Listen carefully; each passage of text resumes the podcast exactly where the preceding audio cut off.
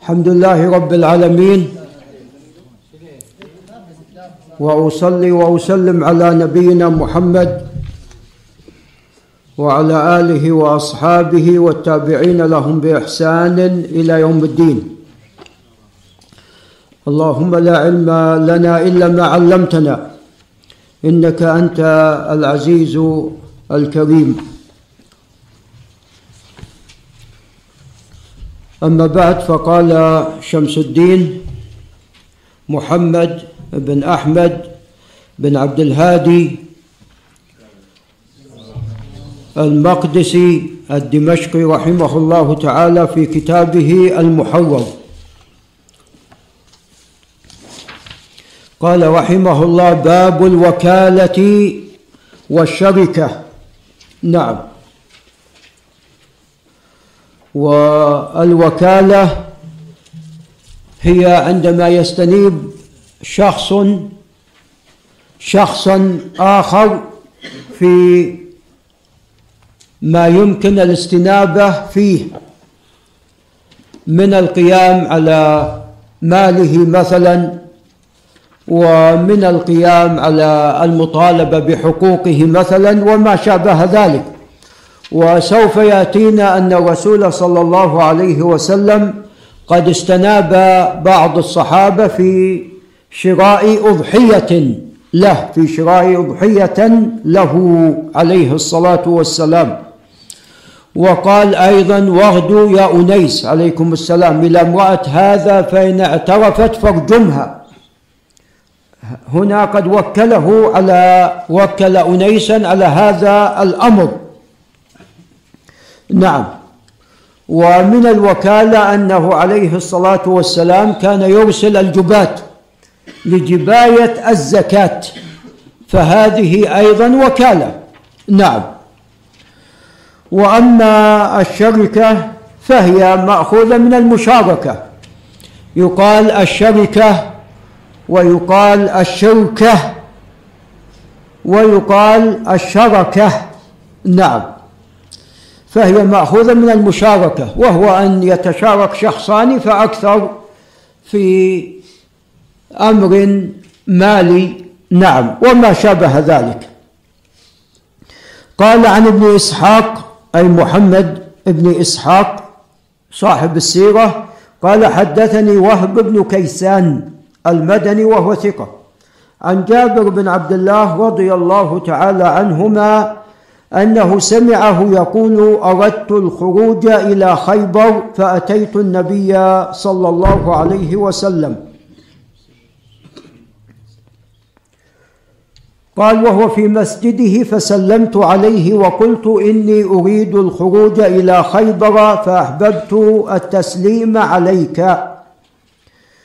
وفي هذا التسليم وتوديع الكبير ولا شك أن الرسول صلى الله عليه وسلم هو أكبر ولد آدم فهو سيد ولد آدم صلى الله عليه وسلم. بأبي أنت وأمي وفي هذا مشروعية التفدية. نعم. قال يكون ذلك آخر آخر ما أصنع بالمدينة. فقال إذا أتيت وكيلي بخيبر فخذ منه خمسة عشر وسقا. والوسق هو ثلاثمائة صاع. نعم. قال فلما وليت دعاني فقال خذ منه ثلاثين وسقا. والله ما لآل محمد ثمرة ثمرة بخيبر غيرها. فإن ابتغى منك آية هنا فيه مشروعية طلب الدليل على أنه بالفعل أرسل من قبل رسول الله صلى الله عليه وسلم. فضع يدك على ترقوته قال فقدمت خيبر. فقلت لوكيل رسول الله صلى الله عليه وسلم ما أمرني به. فابتغى مني آية فأنبأت بها. فقربها إليه. فقال والله ما, ما لآل محمد بخيبر ثمرة غيرها. رواه أبو داود وأبو بكر بن أبي عاصم وهذا لفظه وهو أتم. هذا الحديث لا بأس بإسناده وهو حديث محفوظ. نعم وقد نقل أبو وقد نقل الحافظ بن حجر عن أبي داود تصحيحه لهذا الخبر. وقال في التلخيص سنده حسن وعلق البخاري طرفا منه في في أواخر كتاب الخمس. فهذا فيه مشروعية الوكالة مشروعية الوكالة. نعم قال إذا أتيت وكيلي بخيبر ثم أيضا جابر جعله عليه الصلاة والسلام وكيلا عنه في قبض ماذا؟ في قبض هذه الاوسق نعم عليكم السلام. جعل عليه الصلاة والسلام جابرا وكيلا عنه في قبض هذه الأوسق فالوكالة مشروعة. نعم. بالكتاب والسنة. قال الله تعالى وأنا به وكيل. ولا وأنا به زعيم وأنا به زعيم في سورة يوسف. وأنا به زعيم. نعم. فالوكالة ثابتة في السنة. نعم. قال وقال الإمام أحمد رحمه الله حدثنا سفيان وهو الثوري. وين عبد الرحمن؟ حدث الإمام أحمد يقول حدثنا سفيان. أي سفيان؟ أحسنت. ليس الثوري. الثوري لم يدركه الإمام أحمد وإنما هذا سفيان ابن عيينة. متى توفي؟ ابن عيينة. نعم. قال حدثنا سفيان قال عن شبيب. نعم. وشبيب ثقة أنه سمع الحي يخبرون عن عروة البارق. وبارق من الأزد. نعم. ومكانهم الآن معروف في الجنوب جنوب الجزيرة. وعروة من الصحابة أن رسول الله صلى الله عليه وسلم بعث معه بدينار يشتري له أضحية. إذا في هذا مشروعية الوكالة. تعال يا شيخ مصطفى. في هذا مشروعية الوكالة. وأنه وكله نعم. على أن يشتري له أضحية. وقال مرة أو شاة. نعم. فسواء كانت هذه الشاة أضحية أو شاة من الشياه. المهم أن الرسول صلى الله عليه وسلم قد وكل عروة. قال فاشترى له ثنتين بدينار. هو وكل بشراء شاة واحدة. فباع واحدة بدينار وأتاه بالأخرى. هذا يسمى تصرف الفضولي هو وكل فقط في شراء أضحية أو شاة واحدة. قام اشترى بهالدينار شاتين. باع واحدة بدينار وأتى بالشاة الأخرى لرسول الله صلى الله عليه وسلم مع الدينار. فهذا تصرف الفضولي يقال تصرف الفضولي فإذا أجازه صاحب الشأن صح هذا التصرف ونفذ. وإذا لم يجزه لا ينفذ. نعم. وقيل لا هذا ليس من قبيل تصرف الفضول لأن الرسول صلى الله عليه وسلم قد وكل عروة. نعم وكله وكالة مطلقة. نعم. قال فجعله بالبركة في بيعه. نعم. وهذا فيه مشروعية الدعاء بالبركة. وأن أدعوكم نفسي إلى الإكثار من هذا الدعاء. فنسأل الله عز وجل أن يبارك لنا ولكم في كل شيء. قال فكان لو اشترى التراب لربح فيه. نعم. رواه ورواه البخاري في ضمن حديث لعروة البارقي متصل وقد روي من وجه آخر حسن متصل عن عروة. فهذا الخبر خبر ثابت وحتى لو لم يتصل فشبيب يقول أنه سمع الحي يخبرون. نعم فهو لم يرويه عن واحد بل رواه لعل أبو عبد الرحمن الإبي ينتبه. لعل أبو عبد الرحمن صاحب إب نعم. فهو رواه عن أكثر من واحد رواه عن جمع من أهل الحي. فهو حديث صحيح وفيه مشروعية الوكالة. قال عن أبي هريرة رضي الله عنه قال قال رسول الله صلى الله عليه وسلم قال الله عز وجل أنا ثالث الشريكين ما لم يكن أحدهما صاحبه فإذا خانا خرجت من بينهما. رواه أبو داود وأبو القاسم البغوي والحاكم وهو حديث لا يصح مرسل حديث ضعيف. ولذا قال المصنف وقد قيل أنه منكر. قال باب المساقات والإجارة. طبعا بالنسبة للشركة الشركة تنقسم إلى قسمين. نعم. القسم الأول هي الشركة التي لا تقصد بأحكام الفقهاء الذين الذين يتحدثون في كتبهم وفي كتب الحديث عنها. نعم.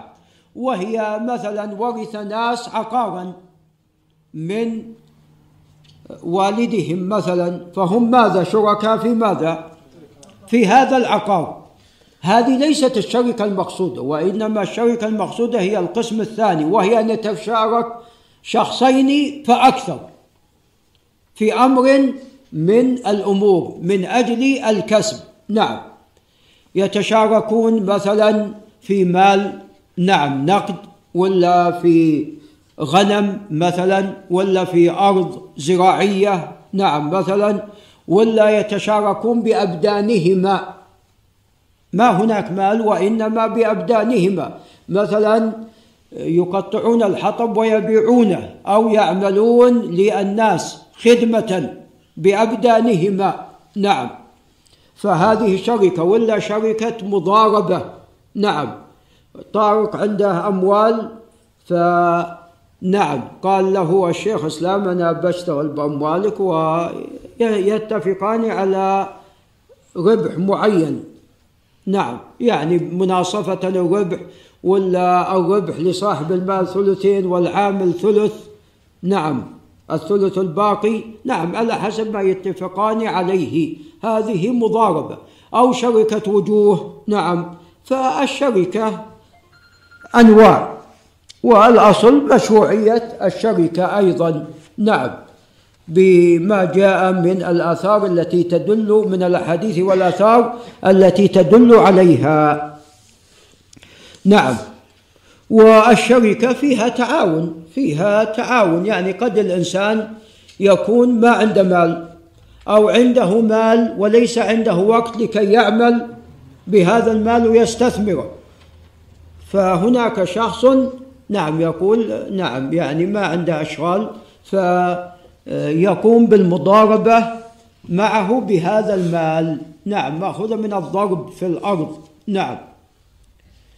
فالشركة فيها تعاون ولكن ينبغي يعني ينبغي يعني يعني الأولى عدم المشاركة إلا إذا كان الإنسان محتاجا إلى أن يتشارك. نعم أحيانا طبعا قد يكون شخص يعني ليس عنده نشاط في يعني العمل والسعي والثاني أيضا مثله. فإذا تعاون قد يكون عندهم ماذا؟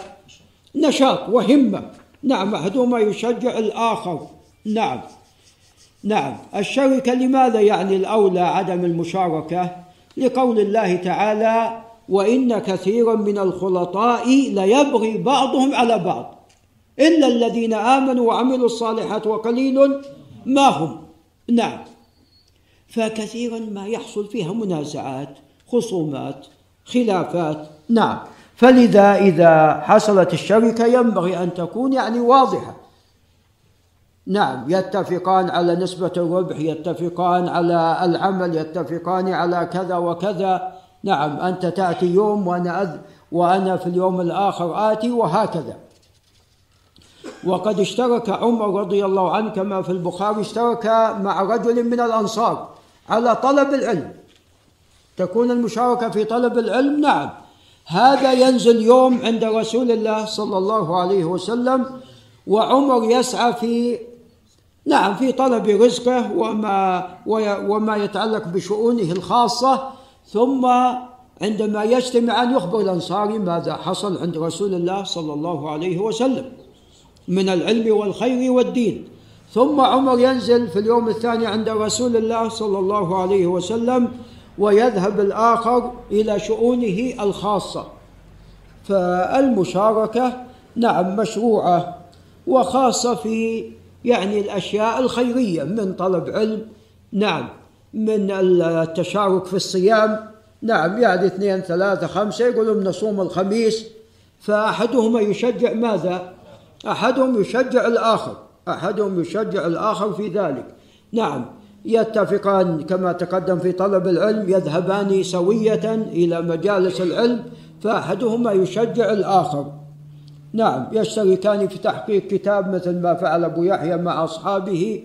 نعم وهكذا. نعم. قال باب المساقات والإجارة. نعم.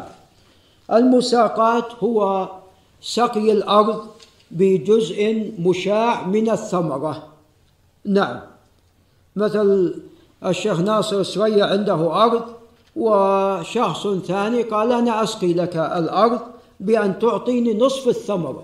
كما حصل عندما اتفق عليه الصلاة والسلام مع من؟ مع يهود خيبر. نعم. فهذه المساقات والإجارة أيضا مثلها وهو استئجار الأرض للزراعة ولغيرها. نعم.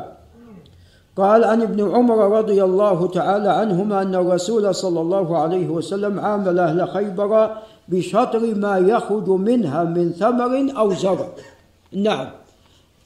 الأرض لرسول الله صلى الله عليه وسلم وذلك بعد فتح خيبر. آلت إلى رسول الله صلى الله عليه وسلم. نعم. ومن معه من الصحابة رضي الله عنهم. واليهود نعم يعرفون يعملون كانوا يعملون بالزراعة فهم أهل زرع بخلاف المهاجرين. هل كانوا أهل زرع؟ المهاجرون لم يكونوا أهل زرع في الأصل. نعم. فقال اليهود نحن أعلم منكم بالزراعة. نعم في الزرع. فاتفق عليه الصلاة والسلام معهم على ذلك. هم يسقون الزرع والشجر ويقومون عليه ويكون لهم نصف الثمرة. نعم. قال وعنه عن ابن عمر أن عمر بن الخطاب رضي الله عنه أجل اليهود والنصارى من أرض الحجاز وذلك بأمر من رسول الله صلى الله عليه وسلم. نعم. قال أخرجوا المشركين من جزيرة العرب أخرجوا اليهود والنصارى من جزيرة العرب أو كما قال عليه الصلاة والسلام. قال وكان رسول الله صلى الله عليه وسلم لما ظهر على خيبر أراد إخراج اليهود منها وكانت الأرض حين ظهر عليها لله ولرسوله وللمسلمين فأراد إخراج اليهود منها فسألت اليهود رسول الله صلى الله عليه وسلم أن يقرهم بها على أن يكفوا عملها ولهم نصف الثمر. فقال رسول الله صلى الله عليه وسلم نقركم نقركم بها على ذلك ما شئنا فقروا بها. هنا ما في تحديد مدة. قال ما شئنا. نعم. يعني سنتين ثلاث أربع خمس ست نعم. لكن لا يكون في منتصف السنة قبل خروج ماذا؟ قبل خروج الثمرة. نعم لأن لهم نصف الثمرة. نعم. فلا بأس هنا بالإجارة في مثل المساقات في مثل ذلك لا بأس بالمساقات في مثل ذلك حتى ولم تحدد سنوات معينة. قال حتى أجلاهم عمر إلى تيما وأريحا. متفق عليهما. نعم. قال ولمسلم عن عبد الله بن عمر عن رسول الله صلى الله عليه وسلم أنه دفع إلى يهود خيبر نخل خيبر وأرضها على أن يعتملوها من أموالهم. يعني إذا هم اللي يقومون على الإنفاق على هذه النخيل. نعم. نعم. والثمرة مناصفة. نعم قال ولرسول الله صلى الله عليه وسلم شطر ثمرها. قال وعن حنظل بن بن قيس الأنصاري قال سألت رافع بن خديج عن كراء الأرض بالذهب والورق فقال لا بأس به. كراء الأرض هو استئجار الأرض بالنقد نعم فقال لا بأس به. إنما كان الناس يؤاجرون على عهد رسول الله صلى الله عليه وسلم على المذيانات وإقبال الجداول وأشياء من الزرع. نعم جانب معين من الزرع. أو ما نبت على السواقي ومجاري الماء. نعم. فنهى عن ذلك عليه الصلاة والسلام. قال فيهلك هذا ويسلم هذا. قد يهلك الذي داخل والذي على المجاري؟ نعم يسلم. قال فلم نعم ويسلم هذا ويهلك هذا فلم يكن للناس قراء إلا هذا. فلذلك زجر عنه نهى عنه. فأما شيء معلوم مضمون فلا بأس به. نعم. اذا لا بأس باستئجار الأرض بشيء معلوم سواء كان يعني بمال يعطيهم أو بنصف ماذا؟ بنصف الثمرة وما شابه ذلك. أن الشيخ اسلام له أرض. نعم فواحد جاء له فقال أنا أستأجر منك هذه الأرض؟ قال نعم. كم الأجرة قال نصف ما يخرج منها. نعم فهذا لا بأس به. نعم. قال وعن ثابت بن الضحاك أن رسول الله صلى الله عليه وسلم نهى عن المزارعة وأمر بالمؤاجرة وقال لا بأس بها. هذا الحديث مختصر. تفصيله في الحديث الذي ماذا؟ الذي قبله. تفصيله بالحديث الذي قبله. نعم. قال وعن رافع بن خديج رضي الله عنه عن رسول الله صلى الله عليه وسلم قال ثمن الكلب خبيث. تقدم لنا أنه لا يجوز بيع الكلب. وفي سنن أبي داود إذا جاءك صاحب الكلب يطلب عليه ثمنا فاملأ يديه ترابا. نعم. قال ومهر البغي. نعوذ بالله. أيضا حرام. مهر البغي الزانية خبيث. وكسب الحجام خبيث. ولكن كسب الحجام ليس مثل مهر ليس مثل ثمن الكلب ومهر البغي في الخبث هما أشد منه. ولذا كسب الحجام ليس بمحرم تماما. وإنما هو خبيث لا تأكله أنت. وإنما أطعمه ماذا؟ ناضحك. نعم. قال وعن ابن عباس رضي الله عنهما قال احتجم النبي صلى الله عليه وسلم وأعطى الذي حجمه أعطاه دينارا. قال ولو كان حراما لم يعطه. نعم. فلا بأس بالحجامه وإعطاء الحاجم مبلغا من المال لكن لا يتخذ هذا الشخص لا يتخذ هذه المهنة صنعة له. نعم. ويأخذ عليها كسبا. نعم. والله العله هذا دم. ففيه يعني نوع من الدناءة لا تأخذ المال على الدم. نعم. قال وعنه أن نفرا من أصحاب النبي صلى الله عليه وسلم مروا بماء فيه لديغ أو سليم سيد الحي لدغ. فعرض لهم رجل من أهل الماء فقال هل فيكم من راق؟ فإن لنا في الماء رجلا لديغا أو سليما. فانطلق رجل منهم فقرأ بفاتحة الكتاب. جاء بأن هذا الرجل هو أبو سعيد الخدري رضي الله تعالى عنه. فانطلق رجل منهم فقرأ بفاتحة الكتاب على شاء قال ما نقرأ حتى تعطونا جعلا من الشاء. وجاء في رواية أنهم أعطوهم ثلاثين من الغنم والله أعلم. وقرأ عليه الفاتحة سبع مرات. نعم كما في جامع الترمذي. نعم. قال فبرئ فجاء بالشاء إلى أصحابه فكرهوا ذلك خشوا أنه لا يجوز. وقالوا أخذت على كتاب الله أجرا حتى نقدم المدينة. فقالوا يا رسول الله أخذ على كتاب الله أجرا؟ فقال عليه الصلاة والسلام إن حق ما أخذتم عليه أجرا كتاب الله. فدل هذا على أنه لا بأس بذلك وأن هذا الأمر مشروع. قال وعن أبي هريرة رضي الله عنه عن النبي صلى الله عليه وسلم قال قال الله عز وجل ثلاثة أنا خصمهم يوم القيامة. من هم هؤلاء الثلاثة؟ قال رجل أعطى بي ثم غدوا. نعم نعوذ بالله من ذلك. نعم. ورجل باع حرا فأكل ثمنه. نعم الحر لا يباع. فباعه والعياذ بالله وأكل ثمنه.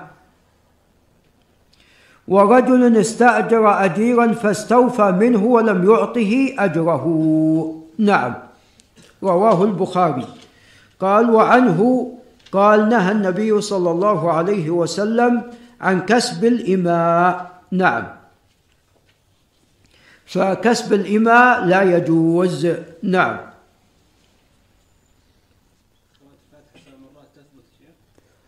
والله قوية نعم لا قوية نعم قوية والله أعلم.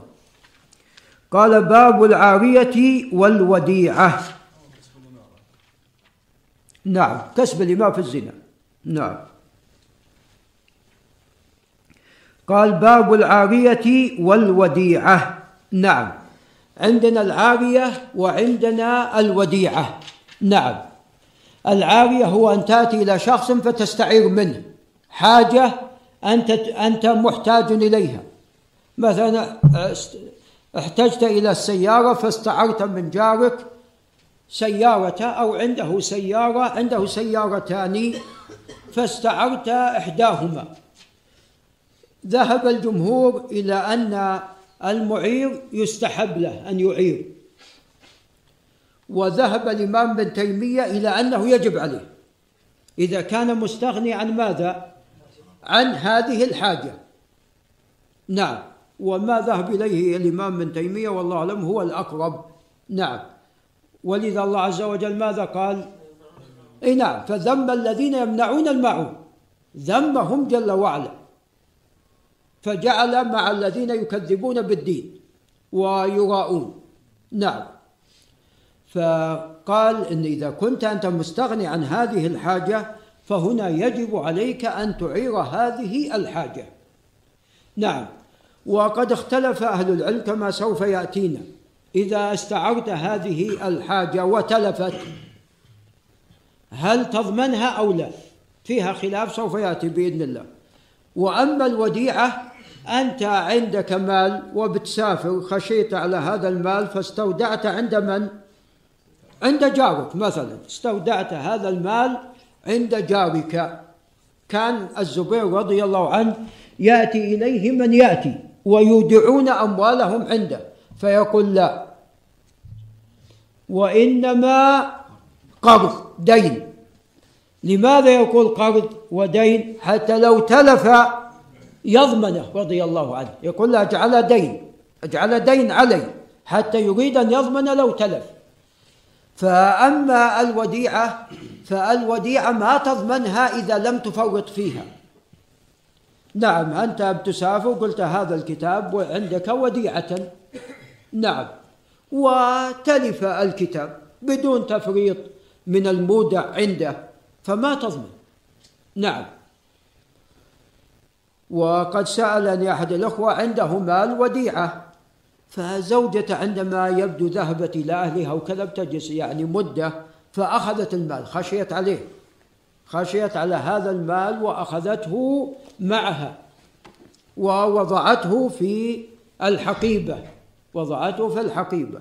فجاء من سرقه. سبحان الله. فهل يضمن هنا؟ ما يضمن. لأن يعني زوجته مجتهدة ما فرطت خشيت عليه أن يبقى في بيتها وهي ماذا؟ وهي خارج البيت.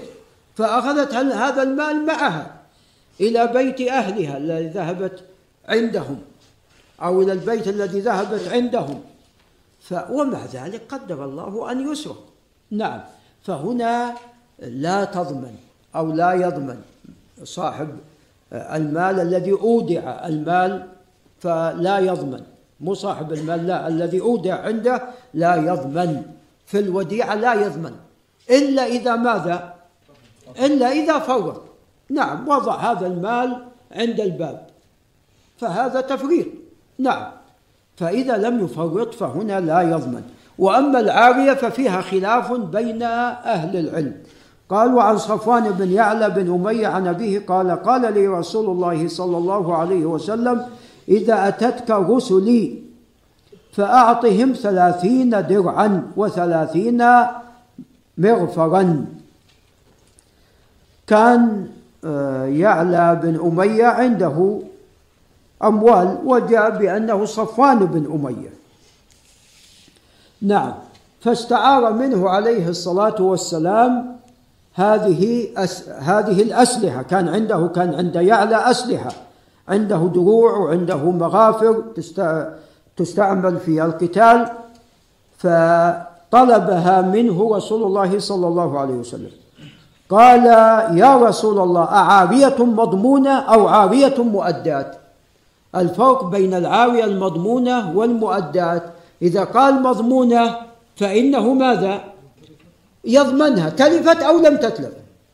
يعني تلفت بتفريط أو ليس بتفريط. نعم يضمنها. وأما إذا كانت مؤدات فهنا لا يضمن. إلا إذا حصل ماذا؟ إلا إذا حصل تفريط إلا إذا حصل تفريط. ومن هذا اختلف أهل العلم. هذا لو ثبت لكان ليس هناك لو ثبت لكانت العارية مثل ماذا؟ مثل الوديعة. لو ثبت هذا لكانت العارية مثل الوديعة. طبعا أصل القصة صحيح. أصل القصة صحيح سواء كانت من يعلى أو من صفوان. جاءت عن يعلى بن أمية وجاءت عن صفوان بن أمية. أصل القصة صحيح ولكن التفاصيل في في النفس منها شيء في ثبوتها. لأن طرق القصة ما تخلو من كلام لكن بمجموعها ثابتة. نعم. قال بل عارية مؤدات يعني أنا ما أضمنها. وإنما أؤديها لك إلا إذا طبعا حصل تفريط. قال رواه أحمد وأبو داود والنسائي هكذا لفظه ورواته ثقات وقد أعل. نعم. أعل نعم بالاختلاف في إسناده. نعم. قال ابن حزم هذا حديث حسن ليس في شيء مما روي في العارية خبر يصح غيره. وأما ما سواه فلا يساوي الاشتغال به. نعم. قال وعن الحسن عن سمرة عن النبي صلى الله عليه وسلم قال على على اليد ما أخذت حتى تؤديه. نعم. على اليد ما أخذت حتى ترجع حتى تؤديه. نعم. فإذا من أخذ حاجة شخص سواء كان منه بإذن أو كان بدون ماذا؟ بدون إذن. نعم. بإذن أيضا عليه أن يؤديه ولكن ليس عليه ذنب. بدون إذن عليه ذنب وعليه أيضا ماذا؟ أن يرجع أن يرجع إلى صاحبه. فعلى اليد ما أخذت حتى تؤديه. نعم. إذا أدى هنا تبرأ الذمة. قال رواه أحمد وأبو داود وابن ماجه والنسائي والترمذي وحسنه والحاكم وقال صحيح الإسناد على شرط البخاري. نعم هو ليس على شرط البخاري. قال وفي لفظ بعضهم قال قتادة ثم نسي الحسن أي الحسن البصري. فقال هو أمينك ولا ضمان عليه. نعم. طبعا يعني هذا الأخذ يعني هنا استعارة هنا أخذه يعني إذا كان بإذن يكون ماذا؟ إذا كان بإذن ماذا؟ يكون استعارة استعاره نعم. عارية. نعم. وليس وديعة لأن الوديعة أنت الذي ماذا؟ أنت صاحب المال أنت ماذا؟ أنت الذي تودعه. نعم.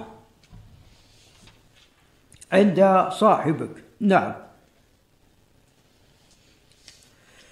قال الحسن هو أمينك ولا ضمان عليه يعني إذا آه، أخذ هذه العارية بإذن منك فهو أمين عليه أن يقوم على هذه الأمانة ما دامت في يده فهي أمانة ولكن لا ضمان عليه. هذا هو ما ذهب إليه الحسن وغيره يقول لا عليه ضمان. والله يعني والله أعلم يعني لعل يؤخذ يعني بخبر يعلى بن أمية. نعم.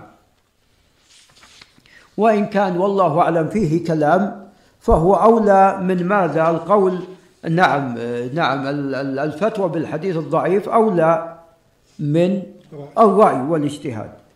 نعم. هو إي نعم يعني يكون يعني له حق الاشتراط فيه مثل هذا. هو إذا اشترط واتفق عليه خلاص. يعني لو لو كان لو كانت العارية يعني ثبت في الدليل مثلا أنها مثل الوديعة لكن اشترط صاحب العارية اشترط قال بشرط إنك ترجعها الي نعم وإذا تلفت تضمنها. ووافق. فهنا حتى لو ما فرط ماذا عليه؟ عليه الضمان عليه أن يضمن اي لو ما فرط لأن هنا وافق هنا وافق هنا قد وافق كيف؟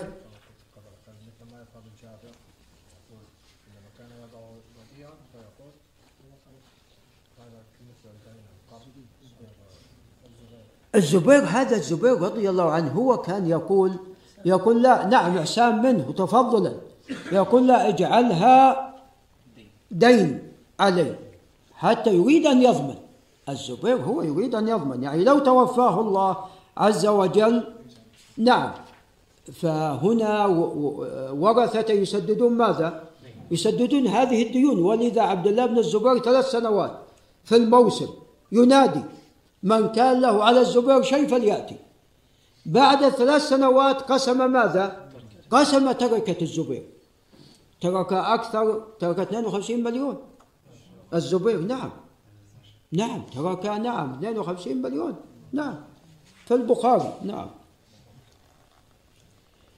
قال وعن أبي هريرة رضي الله عنه قال قال رسول الله صلى الله عليه وسلم اد الأمانة إلى من ائتمنك. ولا تخن من خانك. نعم.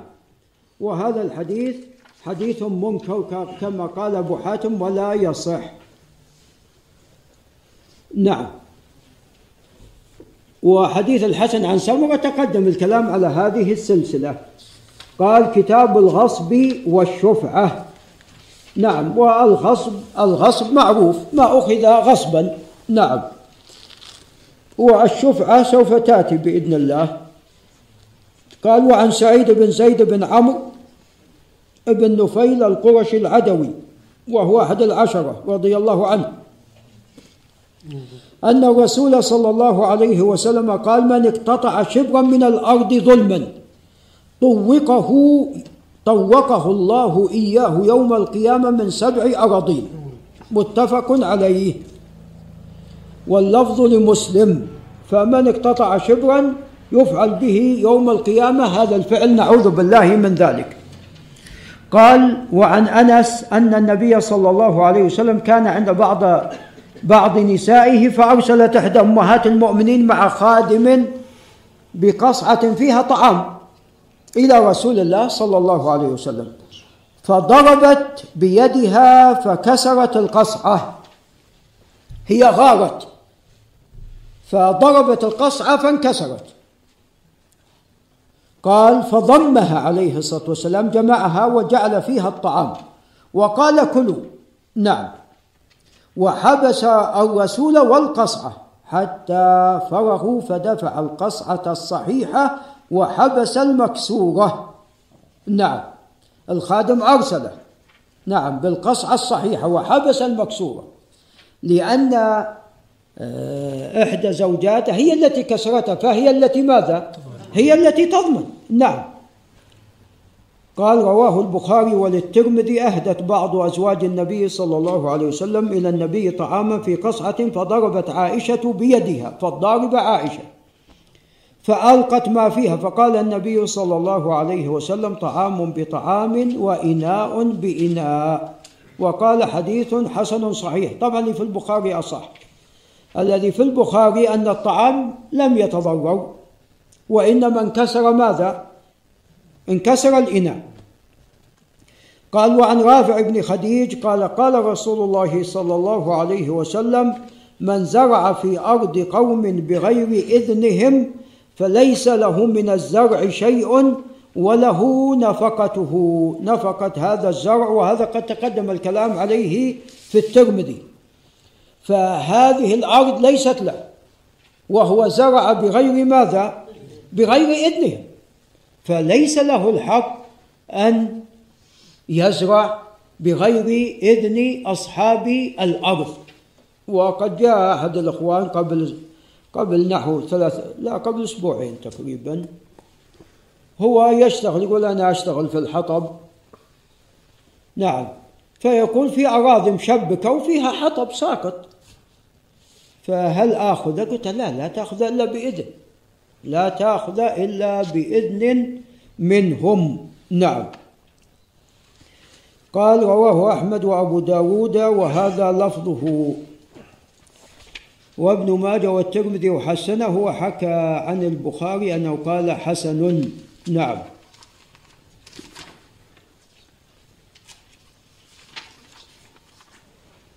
وحكى الخطابي عن البخاري أنه ضعفه فالله أعلم. لأنه طبعا رواية شريك عن أبي إسحاق.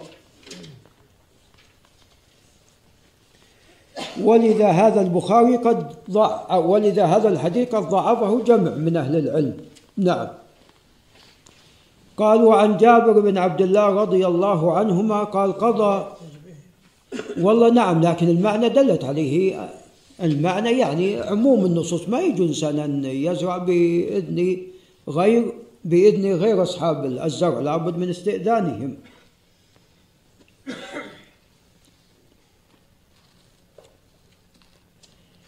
قالوا عن جابر بن عبد الله رضي الله عنهما قال قضى رسول الله صلى الله عليه وسلم بالشفعة في كل ما لم يقسم فإذا وقعت الحدود وصرفت الطرق فلا شفعة. الشفعة عندما يكون هناك اشتراك. يكون هناك اشتراك. عليكم السلام. بين شخصين فأكثر. نعم. في مرافق أو في نعم في عقار. نعم. فلا يجوز لأحد الشريكين أن يبيع حصة نصيبه إلا بعد أن يعرضها على شريكه. فإذا باع ولم يستأذنه يحق لشريكه أن أن يرد هذا البيع ويدفع له قيمة ما دفع لشريكه. نعم. فأولا الشفعة ثابتة بالنصوص من السنة النبوية. نعم هذا واحد. ثانيا أن الشفعة في الأشياء المشتركة والمرافق التي يحصل فيها اشتراك والعقار المشترك تكون فيها الشفعة. نعم. وأما إذا صرفت الطرق وحدت الحدود يعني تميز نصيب هذا من نصيب ذاك فهنا ليس هناك ماذا؟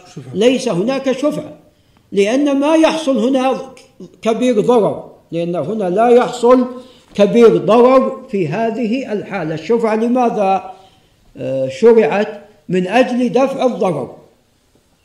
فإذا كانت الطرق متميزة والحدود متميزة أيضا الطرق نعم ليس فيها اشتراك. نعم. وحد آه، عقار هذا عن حد الآخر متميز. فهنا الضرر ليس يعني الضرر يسير. ما هناك ضرر إلا أن يكون شيئا يسيرا. فبالتالي لا شفعة. في هذه الحالة ليس هناك شفعة. وقال بعض أهل أهل العلم الشفعة في كل شيء. قال بعض أهل العلم أن الشفعة في كل شيء. والله المسألة يعني محل خلاف وبعض أهل العلم يعني رجح أن الشفعة في كل شيء. نعم. قال قال رسول الله صلى الله عليه وسلم الشفعة في كل شوك في أرض أو ربع أو حائط ليس ترى ربع الربع الدار والمكان. نعم. أو حائط لا يصلح أن يبيع حتى يعرض على شريكه فيأخذ أو يدع فإن أبى شريكه فهو حق به حتى يؤذنه. فإن أبى فشريكه فإن أبى فشريكه حق به حتى يؤذنه. نعم. رواه مسلم. قال وعنه رضي الله عنه قال قال رسول الله صلى الله عليه وسلم الجار حق بشفعة جاره ينتظر, ينتظر بها. نعم. وإن كان غائبا إذا كان طريقهما واحدا فهنا اشترط الاتفاق في الطريق.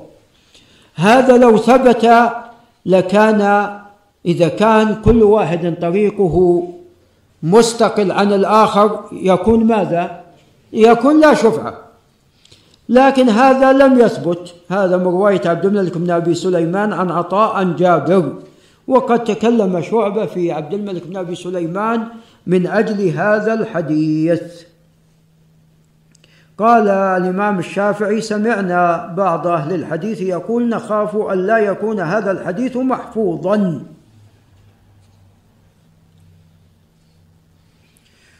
نعم وقد روى أبو سلمة بن عبد الرحمن عن جابر أن الرسول صلى الله عليه وسلم قال الشفعة فيما لم يقسم فإذا وقعت الحدود فلا شفعة.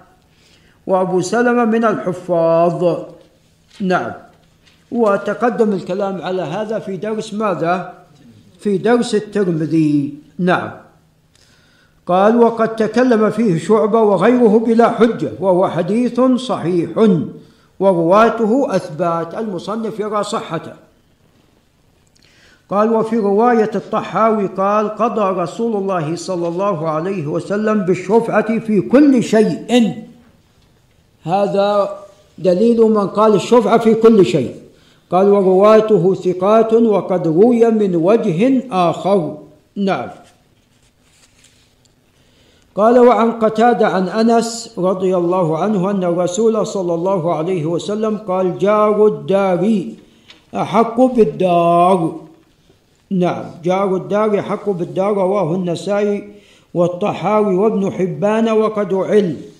هذا لا يصح من حديث أنس وإنما الصواب أنه من حديث قتادة عن الحسن عن سمرة نعم من حديث قتادة عن الحسن عن سمرة وهذا يؤيد أيضا أن الشفعة في ماذا؟ في كل شيء لأن جار الدار قال حق بالدار جار الدار مع جاره الحدود متميزة ولا غير متميزة؟ متميزة ومع ذلك هو أحق بجار أحق بدار جاره إذا أراد أن يبيعها. نعم تفضل. قال باب السبق. نعم باب السبق. نعم. وبالفتح هو ما يجعل ما يجعل من المتسابقين لمن سبق. قال عن نافع عن ابن عمر رضي الله عنه أن الرسول صلى الله عليه وسلم سابق بين الخيل التي قد أضمرت من الحيفاء وكان أمدها ثنية الوداع. هذا فيه مشروعية المسابقة بين الخيل. وسابق بين الخيل التي لم تضمر. من الثنية إلى مسجد بني زريق.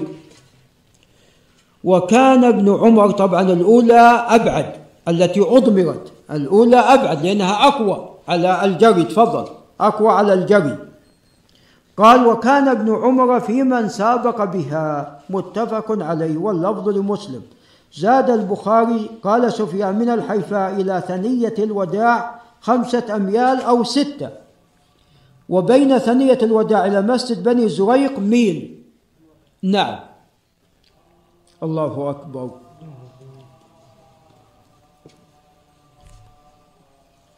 الله أكبر الله أكبر.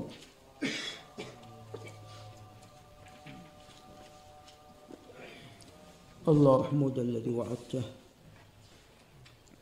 نعم. قال وعنه أن النبي صلى الله عليه وسلم سابق بين الخيل وفضل القرح في الغاية القرح القوية. ورواه أحمد وأبو داود بإسناد صحيح. وعن أبي هريرة قال قال رسول الله صلى الله عليه وسلم لا سبق. السبق كما تقدم هو الجعل الذي يعطى لمن؟ للفائز. ولذا هذا باب السبق ليس باب السبق السبق بالفتح. نعم. لا سبق إلا في خف أو حافر أو نصل. يعني هذه الأشياء الثلاثة يجوز فيها الجعل.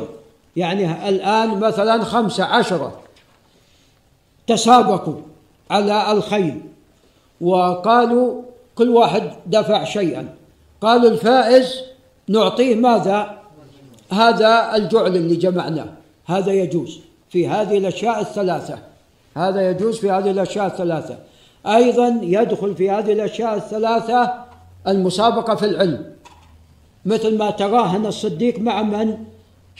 تراهن الصديق رضي الله عنه مع كفار قريش. نعم. على أن الروم سوف ينتصرون. نعم. وتراهن بمبلغ بمبلغ من المال. فالمسابقات في العلم أيضا لا بأس بها. نعم.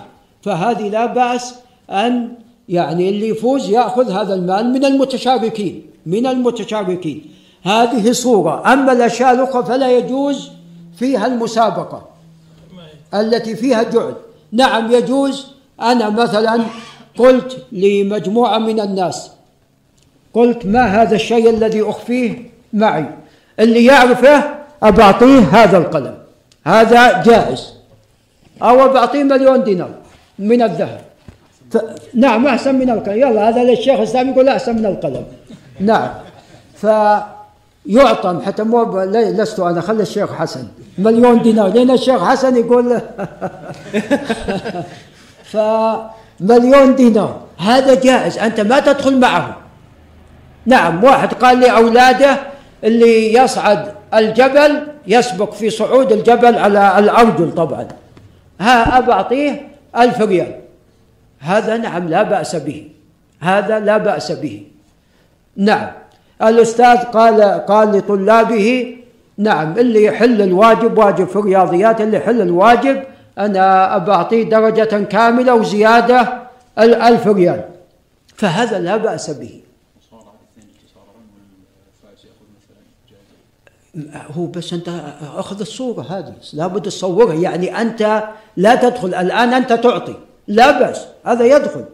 المصارعة التي تسمى طبعا مطارحة مش يسمونها مصارعة رومانية الرياضيين المطارحة نعم مو شيء لو يضرب به في الأرض؟ نعم. فهذه نعم لا بأس بها. إنك أنت تقول اللي يفوز أنا بعطيه. أنت تكون خارج نعم. نعم. أما فيما بينهم لا. نعم. يقول كرة قدم نعم هذا الفريق الفائز. اثنين يضعون أموال واللي يفوز بيعطونه المال. هذا حرام ولا يجوز؟ نعم. وإنما تجوز من طرفين وثلاثة وأربعة في الأشياء ثلاثة ويكون معها العلم. نعم. وما عدا ذلك فلا. إلا شخص خارجي. نعم. شيخنا ممكن يكون من طرف واحد يقول إن صرعتني لك وإن لم وإن وإن لا لا لا لا لا, لا. نعم. يضاف لها العلم العلم قلنا قلنا العلم يضاف. على المستقبل قلنا العلم يضاف. رماية. طيب الرماية داخلة يا شيخ حسن منصوص عليها. السهام الرماية بالسهام. نعم.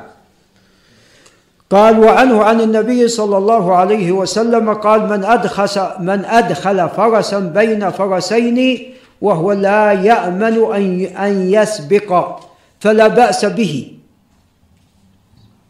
ومن أدخل فرسا بين فرسين وقد أمن أن يسبق. فهو قمار.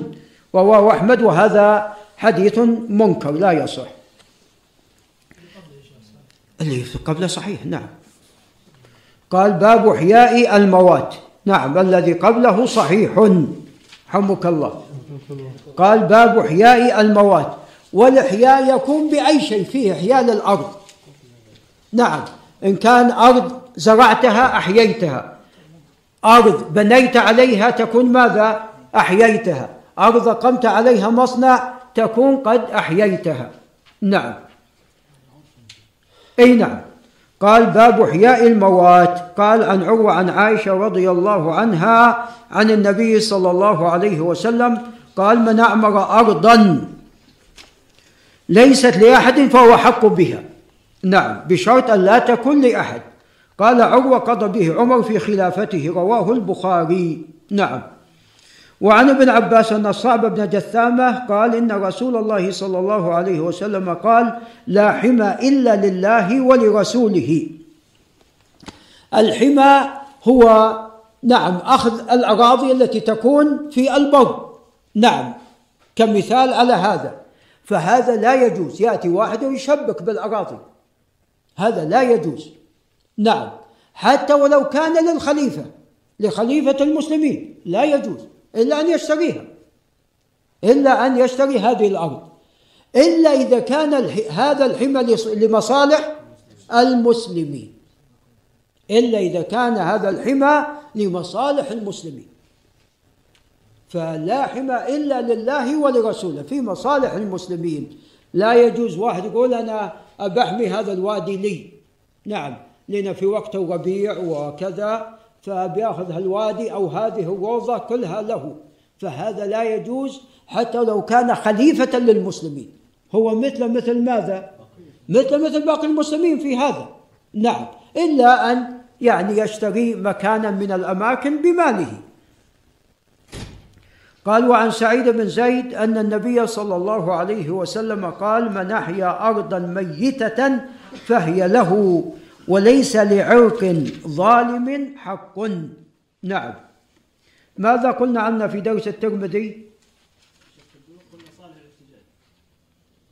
نعم صالح الاحتجاج حديث عائشة يعني يغني عنه أو حديث عائشة معناه هذا في حديث ماذا؟ معناه في حديث عائشة. وقلنا في درس الترمذي كما تقدم أنه صالح كذا في البلوغ في البلوغ. درس الترمذي يا إسلام. نعم. وسليمان وين محمد بن عبد الله الراشد؟ نعم درس الترمذي ماذا قيل عنه؟ طيب.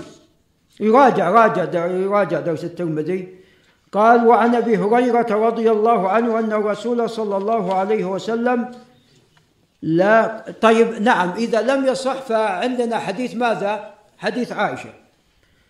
قال عليه الصلاة والسلام لا يمنع فضل الماء ليمنع به الكلى نعم إذا هذا مكان فيه كلى وفيه ماء فالغنم إذا بترعى في هذا المكان وتجلس يومين وثلاثه محتاجة لأي شيء للماء.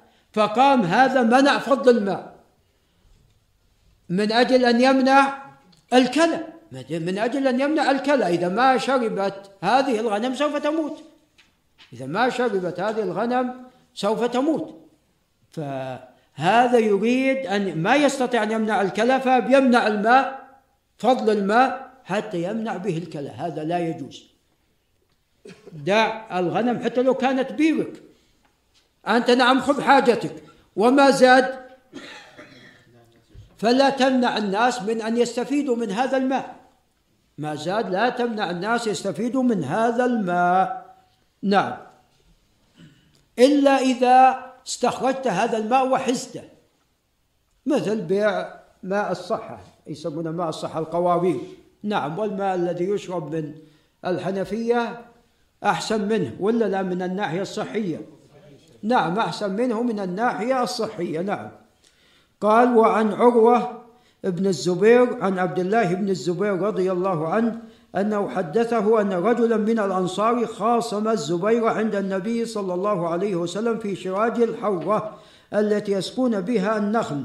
فقال الأنصاري سرح الماء يمر.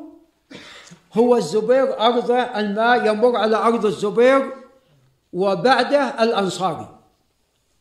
فأرض الزبير قبل. فقال الأنصاري للزبير سرح الماء. نعم. يمر فأبى عليه أبى عليه حتى يسقي زرعة ثم ثم يسرح الماء. فاختصم إلى النبي صلى الله عليه وسلم. يعني الأنصار يبغي من عنده لا يمنع الماء حتى يسقي أرضه ثم هو الزبير راح يسرح الماء. متى راح يسرحه؟ عندما يسقي أرضه فهو راح يمنع حتى يسقي أرضه ثم يسرحه هو قال لا لا تمنع. الماء. سرح الماء. نعم. فاختصم إلى النبي صلى الله عليه وسلم فقال عليه الصلاة والسلام للزبير اسقي يا زبير. نعم.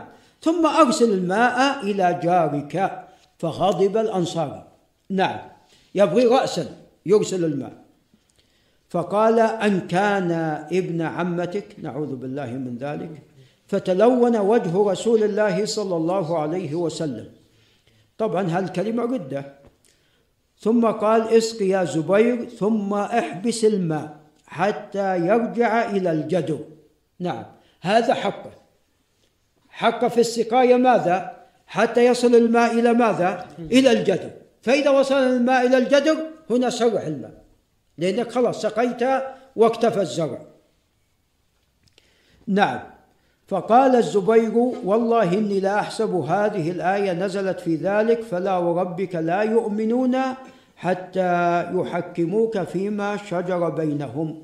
متفق عليه واللفظ للبخاري.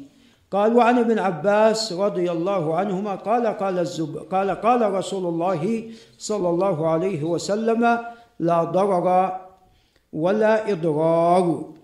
طبعا لا ضرر ولا ضرار هذه مجموعة طرق قوية. لا ضرر ولا ضرار مجموعة طرق قوية. نعم. مثلا شخص اعتدى على شخص فشق جيبه. فهل يحق للثاني ماذا يحق للثاني؟ هل يشق جيبه ولا يستحق العرش؟ يستحق العرش. يأخذ العرش. بعض أهل العلم قال لا ضرر ولا ولا ضرار أنت شقيت ثوبه. ماذا استفدت؟ لكن لو أعطاك ثمن ماذا؟ ثمن عرش الثوب. نعم. ليس الثوب كله لا وإنما ما ما نعم ما أفسد منه العرش نعم. يعني يقوم سليم ثم يقوم الآن بعد الاعتداء عليه هذا العرش النسبة بينهما. نعم. ف نعم فبعض أهل العلم منع وبعض أهل العلم جاز كما ذكر الشيخ حسن. يعني يقول أن هذا في صدره غضاضة في قلبه. ما تذهب إلا بعد ماذا؟ أن يفعل بالأول كما فعل هو بهذا الثاني. نعم. والله هذا يعني محل خلاف بين أهل العلم والجمهور والله أعلم على ما أقول الجمهور يعني القول الأول قول قوي. لا ضرر ولا ضرار نعم. وين أبو محمد؟ أه انتظرنا الله يجزاه خير. طبعا حنا تأخرنا ماذا نفعل؟ ودنا ننتهي. نعم. قال وللرجل أن يضع خشبه في حائط جداره. هذا تقدم. في حائط جاره. هذا تقدم لنا فيما سبق وانه هو في البخاري. وقلنا ضبطها خشبة الصواب خشبة. نعم هذا أرجح. قال وإذا اختلفتم في الطريق فاجعلوه سبع أذرع. نعم. هذا طبعا كل هذا الحديث بهذا السياق لا يصح لأن فيه جابر الجعفي. نعم. ولكن فقراته كلها ماذا؟ كلها محفوظة. فسبعة أذرع هذا ثبت في حديث رواه البخاري. نعم. عن أبي هريرة. إذا اختصمتم في طريق فاجعلوه سبعة أذرع. يعني بحيث يكفي بعيران بعير جاي وبعير ذاهب. هذا في وقتهم كان أكثر شيء البعير. أما الآن فعلى الأقل سيارتين. على سيارتين تعترضان. نعم. ولذا كما تقدم أن بعض الأحياء فيها الزقاق ما يسع إلا سيارة واحدة. تقع أحيانا مشاكل وأنا دخلت في هذا الزقاق. كل ما بطلع جاء واحد نعم. وهو في الحقيقة أبد. من هنا إلى المحراب زقاق قصير. وكل ما بتطلع جي واحد نعم. فنعم يجعل سبعة أذرع. ونقف عند هنا. وانتظرنا بنتوضأ ترى أبو محمد.